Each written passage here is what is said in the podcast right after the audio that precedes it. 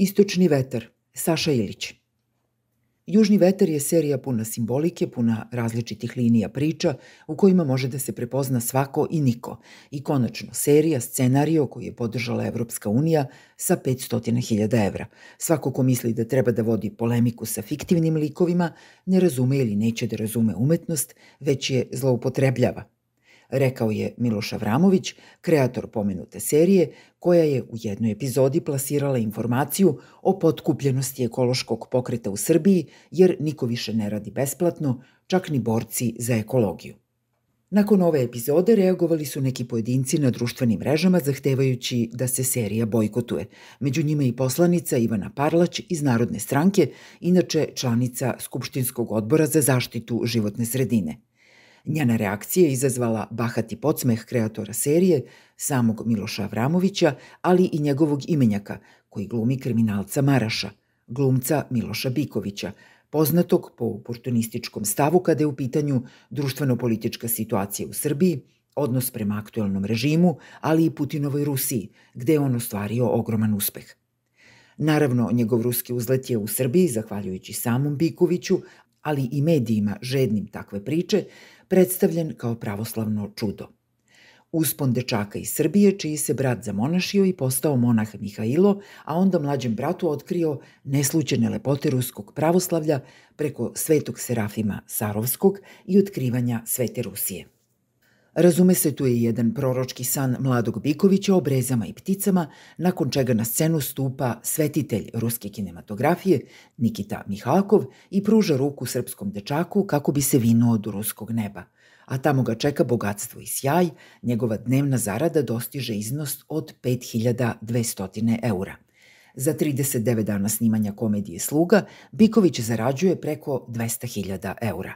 Dakle, glumac Biković za dva meseca zaradi veću sumu od one koju ističe režiser Miloš Avramović, ukazujući na donaciju Evropske unije od pola miliona eura, što je mali iznos za ovakav projekat, koja je investirana u Južni veter i trebalo bi da bude garant ozbiljnosti jednog filmskog projekta.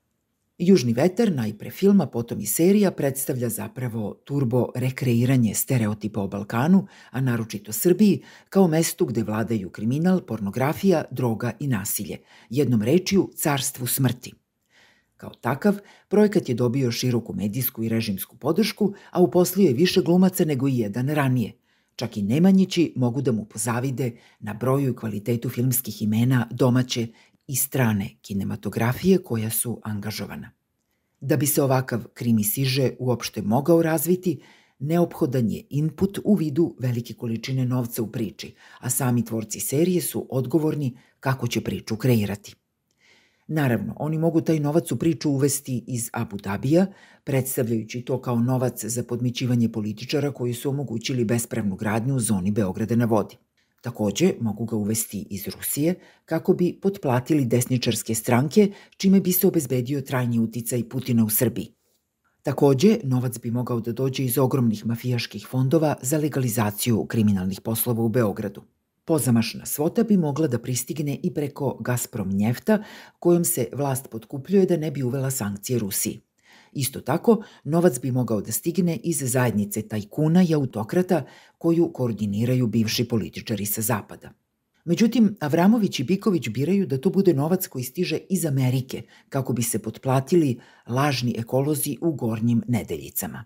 Ovako plasirana informacija u jednoj fiktivnoj priči koja se u vidu serije prikazuje na RTS-u ima daleko sežne posledice, jer dovodi u apsolutni sklad Vučićev odnos prema ekološkim protestima u Srbiji sa simboličkom i ideološkom intencijom kreatora Južnog vetra, koji su ovakvim izborom motivacije za svoju priču napravili veliku uslugu predsedniku. Nemaju likovi Maraša i njegovog ortaka Brace, koji ponosno emituje svoju tetoviranu poruku Srbija Srbima, nikakve veze sa svim ovim.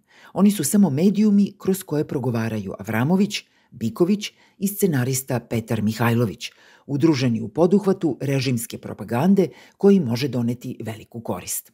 Posredno, njihovo umetničko dostignuće fundira mit o nepromenljivosti poredka u Srbiji kao zoni uživanja u ritualima smrti. Likovi Maraša i Brace postali su pravi idoli tinejdžera koji maštaju, ali ne o tome da ostvare neki svoj profesionalni san poput Bikovića, nego da poput likova iz popularne serije dođu do brzog keša, maznu neki dobar auto, ako se usput dogodi neko ubistvo, vrlo važno. Balkan je to. Može se, ima se.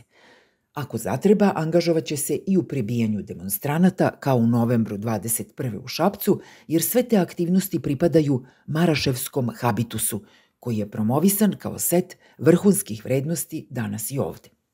Kako reaguje prosječni gledalac kulturno-informativnog programa RTS-a, čija redakcija mu servira Južni vetar kao aktuelnu filmsku umetnost, kako to reče Miloš Avramović. Pritom, ova serija ima kapacitet za repriziranje narednih 100 godina. U prime time-u, odmah posle drugog dnevnika koji sada ima i Velimirovićevske naslove poput Ohridske runde ili Ohridskog prologa, sledi epizoda Južnog vetra, čiji kreatori jezikom novog ohridskog velikomučenika etiketiraju opoziciju, pre svega ekološki pokret u Srbiji, kao lažne ekologe. Poruka je jasna, a za sve one koji nisu pogledali epizodu, tu su i reprize sledećeg vikenda, meseca, godine. U tom lancu ishrane od fiktivnih likova Maraša i Brace, preko njihovih kreatora Bikovića i Avramovića, mogao bi se prepoznati udeo kreatora višeg ranga u odnosu na fiktivnu Boraniju koja obavlja sitne poslove na terenu, jer ono što je Maraš za Bikovića, to je Biković za Vučića, na posledku Vučić za Putina.